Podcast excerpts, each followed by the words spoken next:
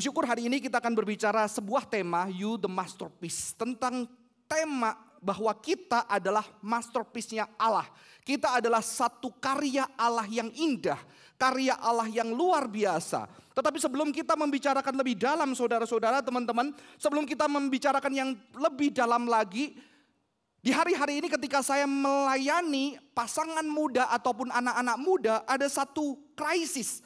Ada satu krisis yang disebut sebagai quarter life crisis. Sebuah krisis quarter life.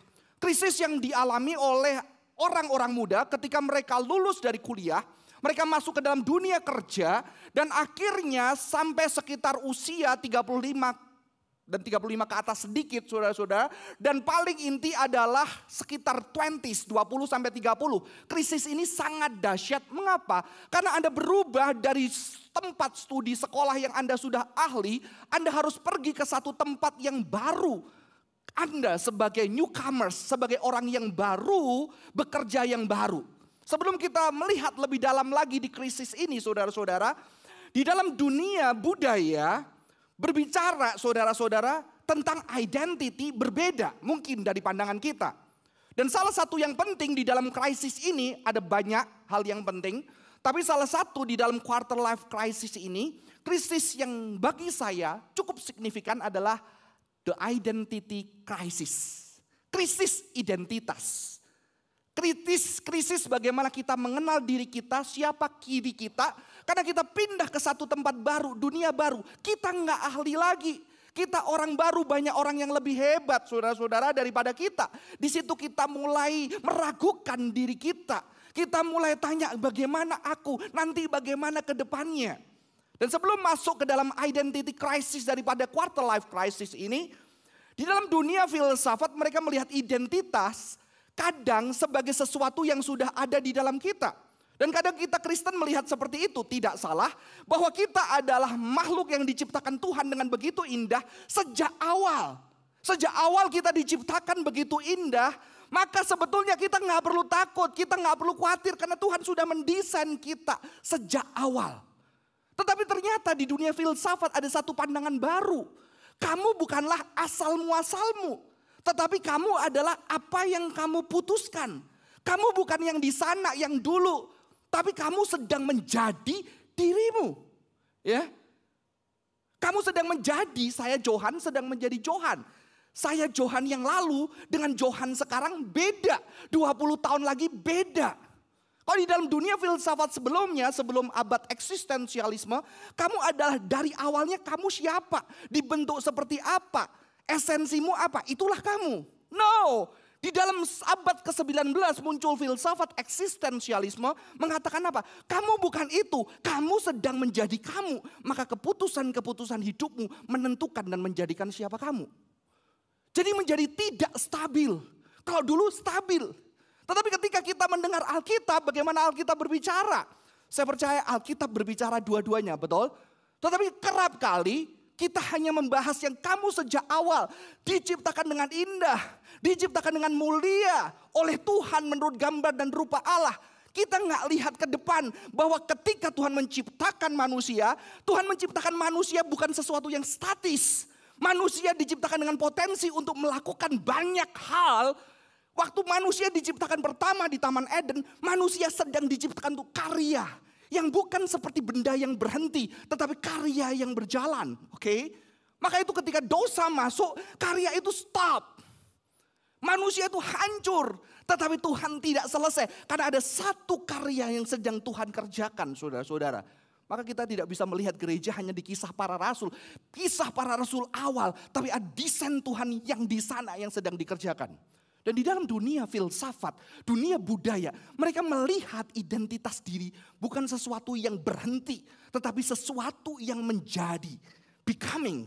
Selalu terjadi karena dia menjadi, maka dipengaruhi oleh lingkungan sekitar. Pada siapa kita bergaul, apa yang kita tonton, apa yang kita makan, ya, apa yang kita saksikan setiap harinya sedang menjadikan aku. Maka di dalam kajian budaya saudara-saudara, saya dan Anda adalah sesuatu yang sedang menjadi. Maka budaya itu membentuk kita. Maka tidak heran ketika kita sudah percaya kita diciptakan menurut gambar dan rupa Allah. Tetapi ketika kita hidup di dunia ini, kita mengalami krisis. Kita mengalami krisis mengapa? Karena ternyata kita manusia yang diciptakan Tuhan dengan satu desain yang luar biasa. Tetapi Tuhan menciptakan kita sudah selesai sempurna. Tetapi dengan satu tugas yang sedang menjadi di dalam kesempurnaannya saudara-saudara ya. Maka itu tidak heran krisis ini terjadi. Karena krisis ini berbicara kita hidup di dalam sebuah lingkungan, budaya, tempat tinggal, belum ditambah sosial media. Maka kita mengalami yang namanya identity crisis. Dan ini berbicara apa saudara-saudara? Ketika berbicara usia 18, atau sorry usia 20 sampai 35, kita mulai masuk ke dalam dunia karir. Hidup kita nggak panjang. Kita mulai khawatir karena keputusan-keputusan kita penting. Kita dulu masih suka main, sekarang nggak bisa main. Tetapi masih juga suka enaknya main. Jadi kita bingung saudara-saudara. Tapi kita tahu waktu kita 20-35 menentukan bagaimana kita menjadi. Di situ kita mulai ketakutan. Belum lagi mulai ada financial situation yang sulit. Sekarang begitu di rumah iklan-iklan muncul. Pengen beli ini, pengen beli itu, gaji gua segini. Akhirnya kita sulit, pengen beli, pengen nikmatin, tapi kerjaan kita nggak beres. Apalagi saudara-saudara, ditambah ketika kita melihat teman-teman kita, kita buka sosial media kita, teman kita udah beli ini, beli ini, pergi ke sana, pergi ke sini, makan di sini, makan di sana, jalan-jalan ke sini, jalan-jalan ke sana. Di sini mulai kita mempertanyakan, bagaimana ini hidupku? Siapa aku?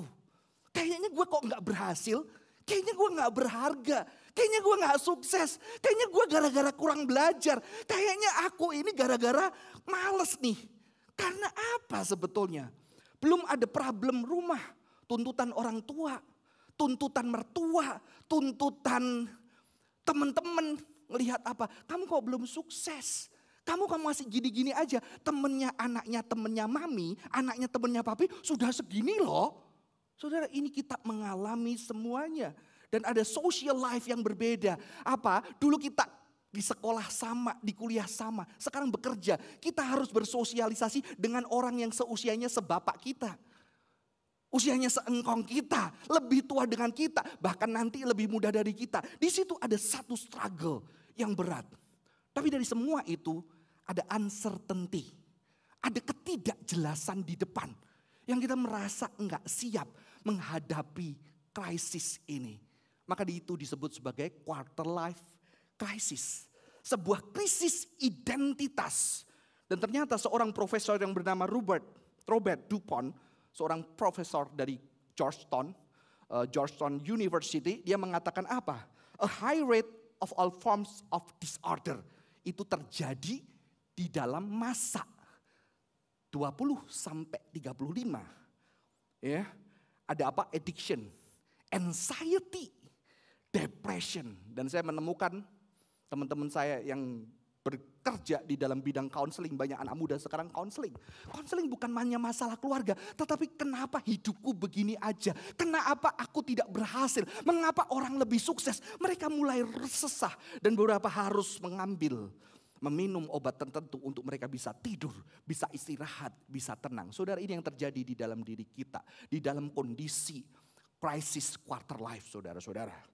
Belum lagi ini tambah parah sebetulnya. Kalau di zaman saya nggak ada handphone, ya handphonenya saya masih ingat dulu pertama kali saya pakai handphone itu University itu Nokia 5110. Layarnya warnanya kuning gede. Itu kalau ada anjing lewat saya lempar kain-kain dia. Ya. Itu nggak ada mainannya, nggak ada fotonya, cuma teks. Jadi saya bingung nggak ada krisis ini mengapa? Ya udah main teman-temanku seperti itu. Tapi di zaman sekarang ini begitu kita buka sosial media, kita lihat postingan orang-orang yang sudah berhasil dapat penghargaan, pergi ke sana begini. Ini membuat kita semakin sulit. Ya. Sehingga kita lupa lagi, meragukan lagi. Kita katanya masterpiece of God. Tapi mengapa krisis ini juga terjadi di anak-anak Tuhan? Di anak-anak Tuhan yang percaya dirinya diciptakan menurut gambar dan rupa Allah. Belum lagi saudara-saudara pada tahun 1970 kalau nggak 80 ada seorang profesor yang bernama John B. Watson itu seorang profesor psikologi behavior. Dia akhirnya masuk ke dalam dunia advertising. Dan dia menggunakan ilmu psikologinya untuk menempelkan emosi orang kepada benda-benda. Dan dia tahu ada esensi dasar, emosi dasar manusia yang namanya ketakutan, kemarahan, dan cinta. Dan di situ emosi dasar yang mendrive manusia, cinta, ketakutan, kemarahan. Dan dia menempelkan emosi ini kepada benda-benda. Sehingga apa? Ketika Anda punya benda tertentu, Anda merasa dicintai. Ketika Anda punya benda tertentu, Anda nggak takut. Ketika Anda punya rumah yang bagus, Anda merasa lebih tenang. Dan maka itu ketika anda membeli benda-benda tertentu itu ada efek terapeutikal. Anda merasa lega. Kayaknya gue berharga. Kayaknya gue dicintai. Karena apa? Advertisement menunjukkan apa ketika orang punya ini. Dia senyumnya lebih beda. Ketika kulitnya lebih seperti ini, banyak cowok-cowok datang. Ketika dia pergi seperti ini, banyak uh, tanda hati diisi merah. Hati yang kosong itu diisi merah.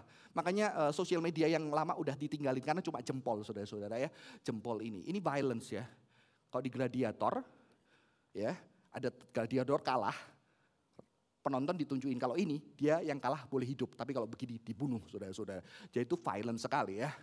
Tapi kalau yang baru ada hati kosong, diisi merah yang banyak sekali. Dan itu membuat kita terjebak, kita nempel. Dan belum lagi ternyata benda-benda yang kita konsumsi bukan benda berdiri sendiri. Selalu benda itu berkomunitas. Bayangkan saudara-saudara, benda aja berkomunitas, betul gak? Kalau Anda beli handphonenya ini, colokannya ini. Colokannya ini nanti kepalanya ini. Tempatnya ini, nanti tempat e, tasnya seperti ini. Nanti apalagi ya, ya e, mungkin e, ketika ngecas di rumah ada ini. Jadi itu semua berkomunitas. Benda-benda itu berkomunitas. Dan menghasilkan apa? Ketenangan, kenyamanan. Karena aku merasa berharga. Aku merasa lebih daripada yang lain. Dan inilah kita sebagai anak-anak Tuhan tinggal di dalam dunia dari orang-orang yang mengerti manusia, mengerti filsafat, mengerti desain dan mereka menjual semua itu sehingga akhirnya menempelkan semua itu dengan identitas kita sehingga kita perlu kalau gua 30 ternyata digit gaji gua belum dua digit itu problem ya bukan berarti puas dengan satu digit ya. Bukan itu maksudnya ya. Tapi bagaimana kita menaruh identitas kita dan kepuasan kita. Ini dunia kita. Dan bagaimana? Ketika seperti ini, krisis ini kita alami, kita mulai meragukan. Apakah diriku ini sebetulnya berharga? Apakah diriku ini something? Dan semakin lama semakin lama, bahkan ketika kita sudah tidak percaya diri kita berharga, walaupun kita benda punya benda-benda itu, kita mencapai itu semua. Ternyata saudara-saudara, setelah orang mencapai semua itu dan mempunyai semua itu, Ternyata tidak serta-merta dia bisa melihat keberhargaan dirinya, betul? Dia suka, dia bahagia sesaat. Tapi setelah itu dia kosong lagi, dia butuh cari lagi, dia butuh cari lagi, dia butuh cari lagi. Sehingga kita terjebak di dalam ketidakberhargaan diri. Dan mencari-cari, mengais-ngais benda-benda tertentu, posisi tertentu. Untuk kita bisa merasa tenang. Inilah satu kondisi di sekitar kita. Dan bagaimana ini dikaitkan dengan tema kita hari ini? You are, you, the masterpiece.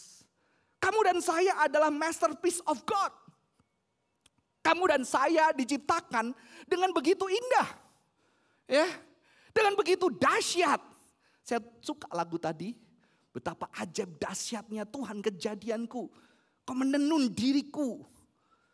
Sungguh ku berharga. Kita nggak bisa mengapa? Karena kita ada di dalam dunia. Ketika kita sedang menjadi, kita sedang di Tuhan untuk menjadi sesuatu. Setelah kita ditebus menjadi sesuatu pribadi yang indah. Tapi kita dikelilingi dengan dunia yang seperti ini yang terus mengajak kita, kamu bukan siapa-siapa, kamu kurang berharga dibanding temanmu, kamu sampah. Kalau kamu mau punya ini, kalau kamu sudah ke sini, baru kamu berharga. Kita mengejar menghabiskan waktu untuk semua itu. Setelah kita dapat itu, kok gue tetap gak ngerasa berharga?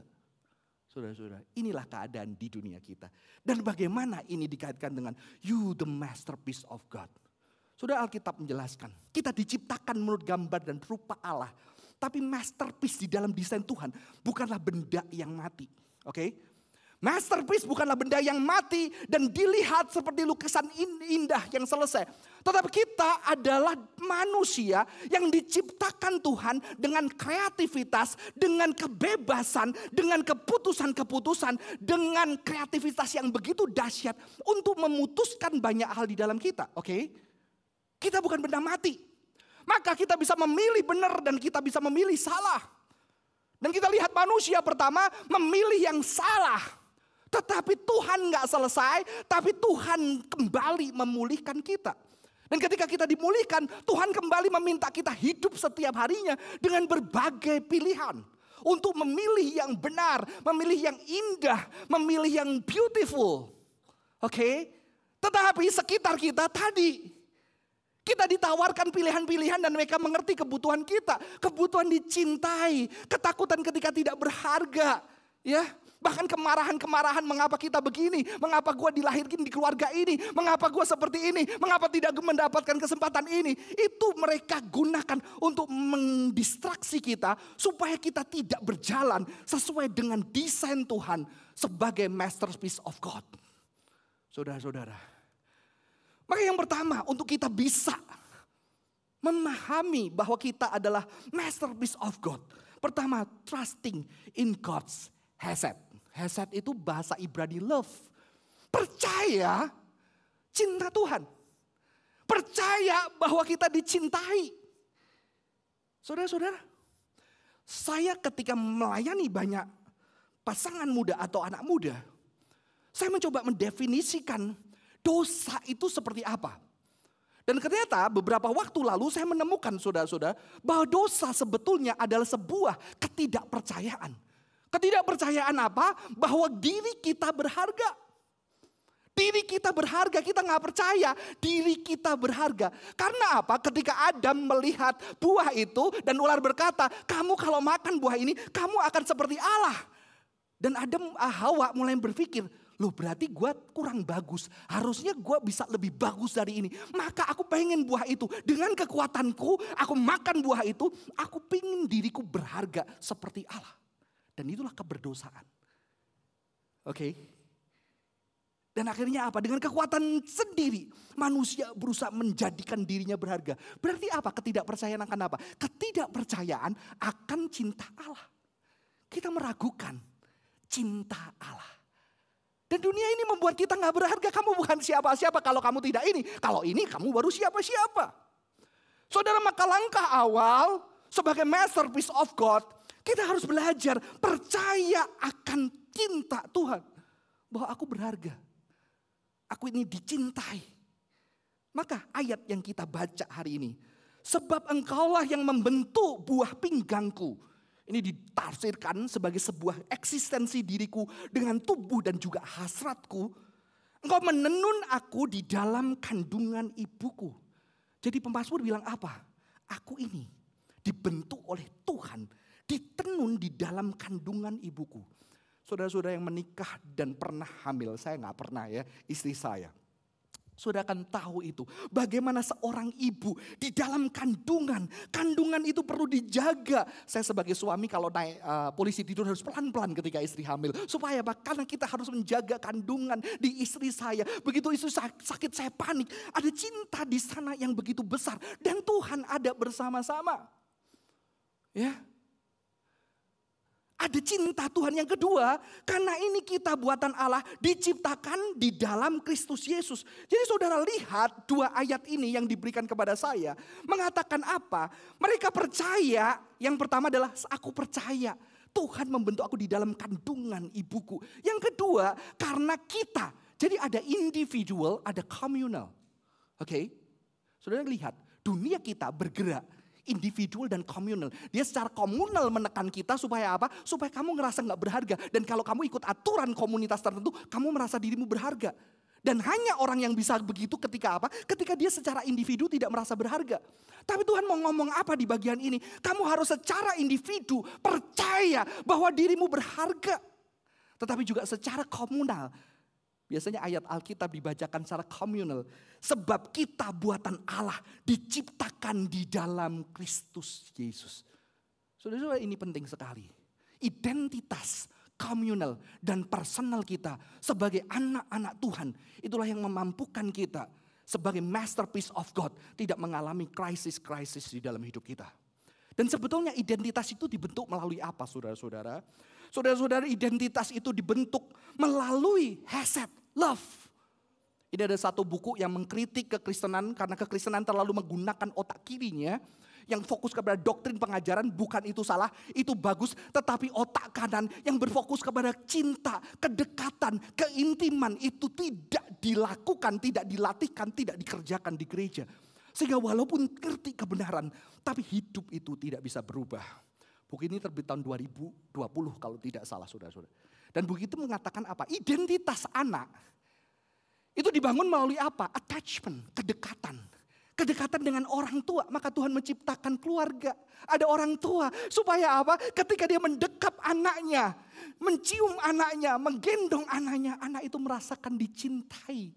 Maka banyak anak-anak yang terjebak free sex adalah anak-anak yang tidak pernah, wanita yang tidak jarang sekali dipeluk ayahnya, jarang sekali dicium oleh ayahnya. Sehingga dia punya kebutuhan itu. Karena dia diciptakan, anak diciptakan untuk didekap dengan tubuh kita, dengan tangan kita. Untuk mendekap, saling mendekap. Dan di situ menimbulkan ketenangan. Dan ada satu hormon di otak kita yang membuat kita percaya, membuat kita trust, membuat kita tenang. Ya, hormon cinta, oksitosin namanya saudara-saudara. Inilah yang membentuk di, identitas anak. Ketika ayahnya, bahkan kalau bukan ayahnya, seorang yang merawat dia, itu memeluk dan menyayangi dia, dia juga dapat merasakan itu. Banyak ada satu anak cerita sama saya, Pak kok papaku pergi, mamaku pergi, aku tenang-tenang aja. Tapi waktu SD ketika pembantuku pergi saya kejang tiga hari. Dia bilang gitu saudara-saudara. Mengapa? Karena dia nggak dapat kedekatan itu. Dan anak dibentuk oleh identitas ini. Dan ternyata identitas individual itu tidak berhenti. Karena nanti kita punya yang namanya communal identity, group identity. Maka sebetulnya dua hal ini perlu dikerjakan di gereja. Orang-orang di gereja yang tidak merasakan cinta dari orang tuanya. Ketika dia datang ke gereja, dia merasakan cinta, dekapan, kedekatan. Sehingga itulah yang membuat dia ketika di dunia, eh kamu punya barang ini, kamu yang nggak perlu. Gue nggak punya semua itu di teman-teman di gereja, di keluarga gue. Gue bisa diterima dan dicintai dengan dahsyat. Gue nggak butuh semua itu. Dan ketika kita membeli semua itu bukan berarti nggak boleh. Kita membeli bukan berdasarkan supaya kita menjadi berharga dan dicintai. Kita membeli berdasarkan fungsi yang kita bisa gunakan untuk kita bisa mencintai orang lain, untuk bisa berkarya dan menjadi berkat buat orang lain, saudara-saudara.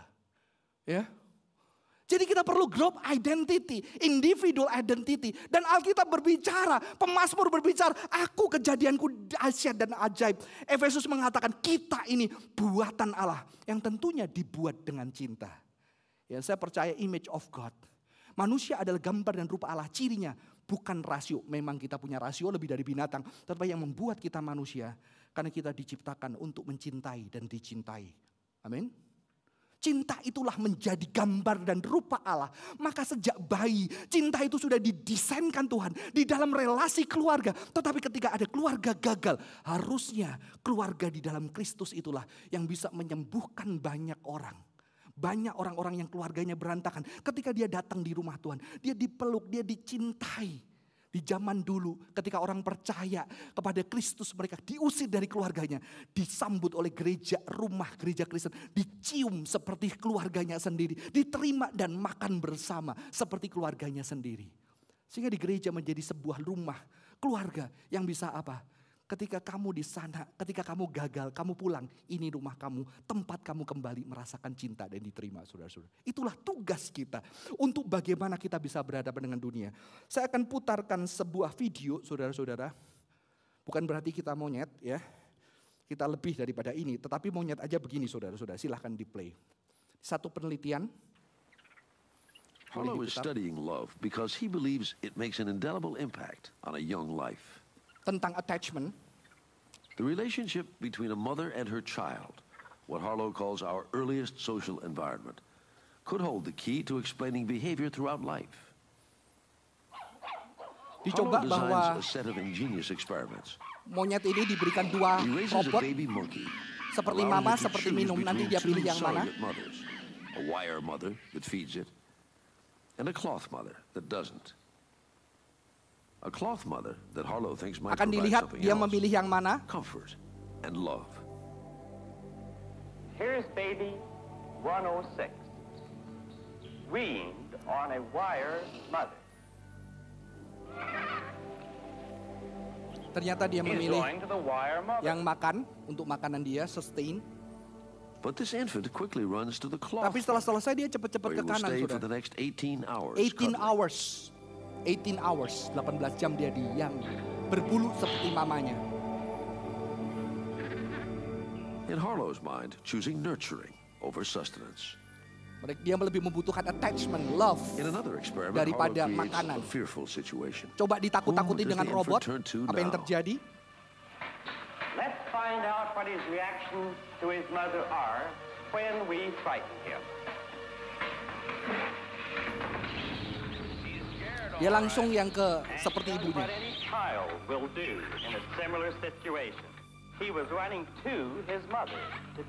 Nanti dicoba ketika nggak ada mothernya, apa yang terjadi dengan eh, bayi monyet ini? To Harlow, there is something about the experience of comfort and love, even more than food, that seems crucial to all these monkeys. Dicoba ketika dia tidak ada ibunya, saudara-saudara. Lihat. Dia seperti punya dunia sendiri. the orphan monkey stays alone. He won't even go to the cloth mother when frightened, but retreats into his own Dia world. sembunyi di dunianya sendiri, membentur-benturkan kepalanya ke tembok. shown how want of love can damage an infant for life. And he worries the same is true for people. Kita lebih dari monyet ini. Lihat bagaimana identitas dia. Ketika dia nggak mendapatkan itu, dia menarik ke dunianya sendiri, membentur-benturkan kepalanya ke tembok, seolah-olah dia punya dunia sendiri, saudara-saudara. Maka lihat attachment. Kalau ama monyet aja seperti, apalagi kita. Keluarga kita, anak kita, teman-teman kita ketika nggak punya kedekatan itu. Ketika mereka mendapatkan kedekatan, manusia cari saudara-saudara. Saya ketemu anak-anak yang terjebak game online. Mereka mencari kedekatan karena di rumah nggak ada, di sekolah nggak ada. Ketika mereka game online, mereka punya teman yang dari berbagai dunia. Bisa ngomong, bisa dengerin, mereka bisa main bareng, bisa ketawa, bisa bersuka cita. Tapi apakah itu ada di gereja saudara-saudara? Apakah kita ketika datang orang datang ke gereja mereka merasakan cinta Tuhan dan merasa diriku berharga.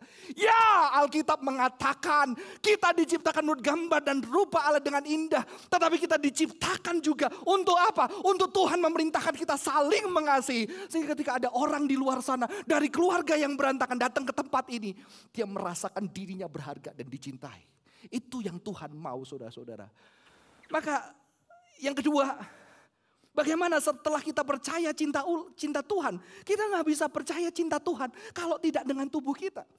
Saya baru menyelesaikan tesis S2 saya Embodied Spirituality. Saya menemukan bahwa manusia tanpa tubuh tidak bisa merasakan cinta. Maka Tuhan perlu menjadi tubuh untuk manusia bisa merasakan cinta.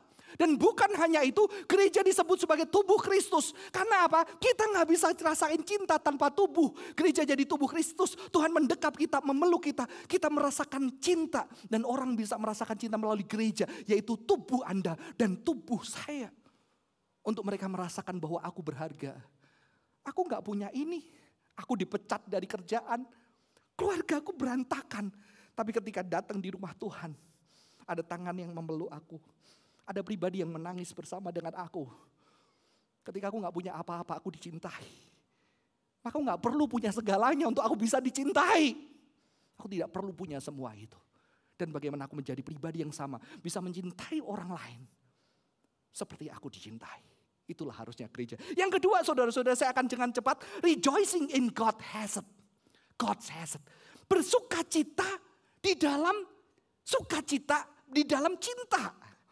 Maka Alkitab mengatakan Mazmur, aku bersyukur kepadamu oleh karena kejadianku dahsyat dan ajaib. Ajaib yang kau buat dan jiwaku benar-benar menyadari, menyadarinya. Jadi ada satu syukur, ada satu sukacita. Westminster Catechism mengatakan, apa tujuan hidup manusia? To glorify God and enjoy Him forever. Tapi sayangnya, realita yang ditekankan glorify God. Bagaimana enjoy Him? Maka saya mengatakan kadang-kadang di gereja saya, kita udah penuh dengan sola, sola gracia, sola bib, apa, sola scriptura, sola deo gloria, gloria, sola fide. Kita kurang satu, solaria. Kurang ada enjoyment. Ketika saya melihat satu video, anak-anak main game online, dia bisa ketawa, teriak, marah, nangis. Saya bayangkan di gereja, kok kayak patung. Yang salah gerejanya atau yang salah game online-nya? Mereka nggak jadi manusia ketika datang di gereja. Maka saat itu saya berpikir bagaimana gereja ini. Ketika gereja kita tempat melayani, orang bisa ketawa, lihat wajah orang lain. Weh gimana kabarmu? Main bareng. Dan mereka bisa ketawa dan menangis bersama seperti manusia saudara-saudara. Mungkin kita sudah lupa, kita sudah jauh dengan dari yang Tuhan mau. Makanya saya percaya Yesus bersama dengan murid-muridnya. Begitu murid-muridnya lihat wajah Yesus, dia nangis, dia ketawa. Kadang-kadang kesel juga saudara-saudara. Nggak apa-apa kalau di gereja kita juga kesel. Itu bagian dari kemanusiaan. Daripada emotionless. Saudara-saudara ini real. Maka buku tadi mengatakan apa? God designs our brain to seek joy through eyes and facial expression through being with people who are glad to be with us. Tuhan kita itu sebetulnya mencari wajah orang lain. Yang apa? Yang ketika bersama dengan kita, dia bisa ketawa, dia senang. Sehingga kehadiran kita merasa diterima. Amin. Dan buatlah komunitas ini menjadi tempat yang orang datang bisa ketawa.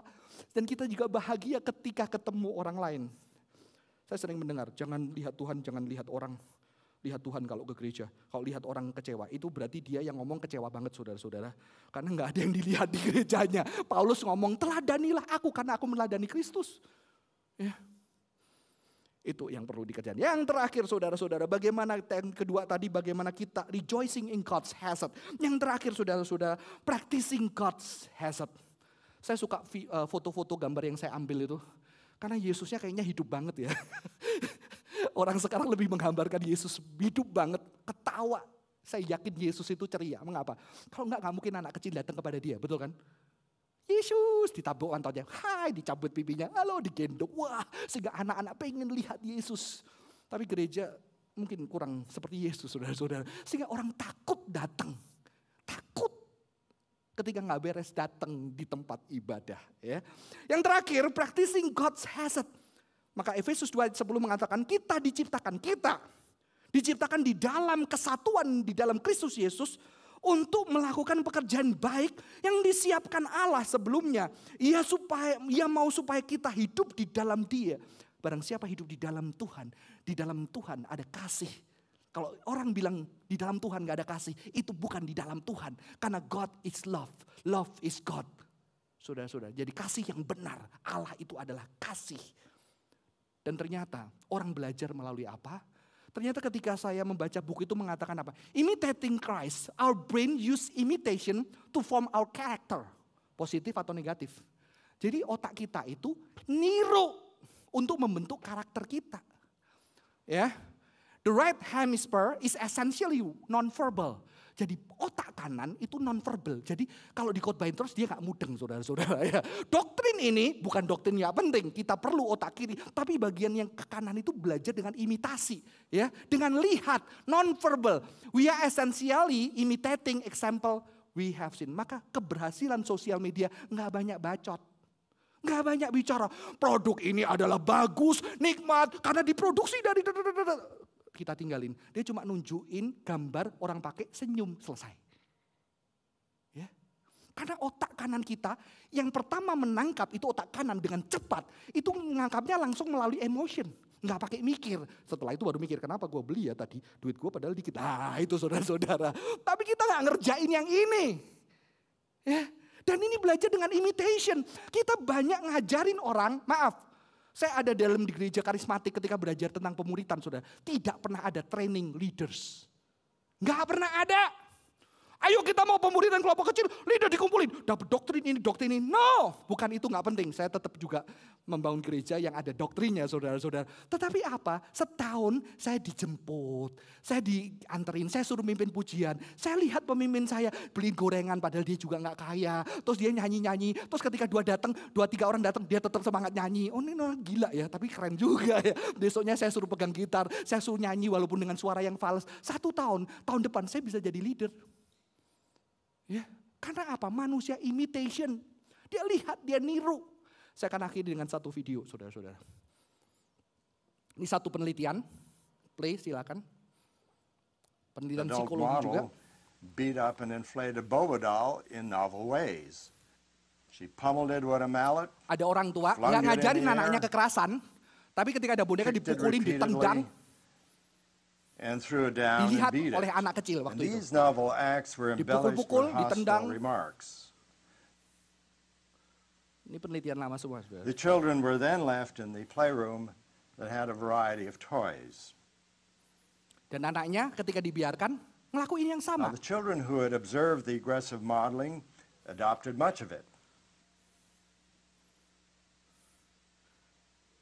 They even invented new ways Bahkan mereka the invented new ways, menemukan cara baru untuk bagaimana menghancurkan boneka The itu. children who had been exposed to the aggressive modeling showed an increased attraction to guns, even though the adult model never used them.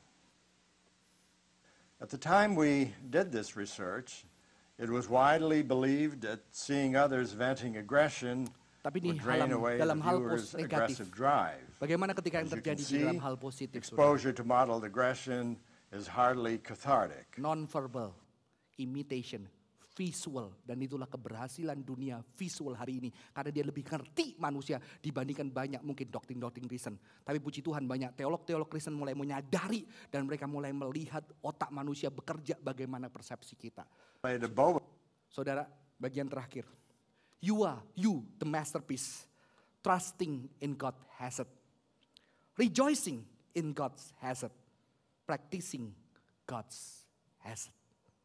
Biarlah ini yang membuat kita, saya berharap itu ada di dalam keluarga kita, pertemanan kita, di gereja kita.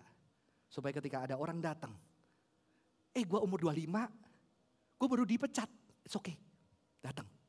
Sementara kalau keluar kamu nggak malu, nggak ada uang kita traktir dulu. Nanti kalau kamu udah dapat kerja, kamu traktir. Dan ketika itu terjadi, saudara-saudara, ada keindahan di sana, ada kasih di sana. Ketika ada orang-orang yang tidak bisa mencintai diri, saya bertemu dengan seorang anak muda, dia nggak bisa mencintai diri. Papanya nggak ada waktu dia kecil. Mamanya harus berjuang sendiri dan mamanya harus membersihkan rumah menjadi pembantu untuk dia bisa makan. Satu kamar tinggal bertiga, maka dia nggak mau mamanya seperti itu. Ada cinta, dia berusaha walaupun dia terbatas, dia belajar bahasa Inggris, dia ngomong bahasa Inggris lancar, mengajar di sekolah, dia berusaha berharga. Dan dia merasa apa? Ketika aku bahagia, ketika apa? Ketika aku bisa menjadi berharga. Ketika aku bisa membuat mamaku yang penuh dengan air mata bisa tertawa. Supaya dia tidak melakukan hal-hal itu. Tapi saya mengatakan satu hal kepada dia. Kebahagiaanmu adalah membahagiakan orang lain. Tapi kamu tidak percaya dirimu dicintai. Dan itu dosa. Kamu pengen bahagiakan pasanganmu yang seperti mamahmu sekarang yang sedang menangis. Makanya kamu marah ketika bapak pasanganmu bilang, aku capek lah hidup, ngapain sekolah pintar-pintar, gue jadi pembantu aja. Dia marah, dia nangis. Kenapa kamu tidak melihat dirimu berharga? Dan saya mengatakan, kenapa kamu marah dengan kata pembantu? Karena aku nggak pengen orang yang saya cintai jadi pembantu lagi. Aku pengen mereka lebih baik. Maka aku bisa ngelakuin apa aja untuk dia lebih baik. Ada cinta di sana. Tapi juga saya merasa ketika kamu kecil kamu rasa dirimu gagal. Sampai hari ini ketika kamu sudah jauh lebih baik. Kamu tidak percaya bahwa dirimu berharga dan dirimu dicintai. Dan di situ dia menangis. Kamu dosa, kenapa? Kamu tidak percaya dan kamu ngeraguin cinta Tuhan. Mau belajar percaya cinta Tuhan? Amin. Dan mau buat orang-orang di sekitar kita merasakan cinta Tuhan? Mari kita bersatu hati dalam doa. Tuhan, kami bersyukur buat kasih-Mu. Kalau di tempat ini, beberapa dari kami, masih kami merasa diri kami tidak berharga. Tuhan, biarlah kami boleh membuka mata kami untuk bisa hal lihat hal-hal yang indah yang Tuhan titipkan. Untuk bisa melihat kebaikan-kebaikan dan cinta orang di sekitar ka- kami. Untuk bisa melihat bahwa aku dicintai. Tuhan di tempat ini ada orang-orang yang pengen. Tuhan aku udah merasa diriku berharga. Aku pengen buat orang lain berharga. Aku pengen ketika mereka datang di sini beribadah bersamaku. Mereka merasakan cinta Tuhan. Tuhan biarlah aku menjadi orang-orang itu Dan orang di sekitarku, orang yang bekerja dengan aku, sahabatku ataupun atasanku, biar merasakan mereka dicintai melalui semua yang aku lakukan. Dan biar aku bersuka cita, bersuka cita. Karena ada cinta di dalam kehidupan ini. Berkati hamba Tuhan, berkati anak-anakmu di tempat ini. Boleh menjadi berkat, boleh merasa diri berharga, boleh mempraktekkan hasad di dalam kehidupan mereka. Sehingga ada orang merasakan cinta Tuhan dan kami juga semakin merasakan cintamu. Terima kasih Tuhan berkati rekan-rekan di tempat ini.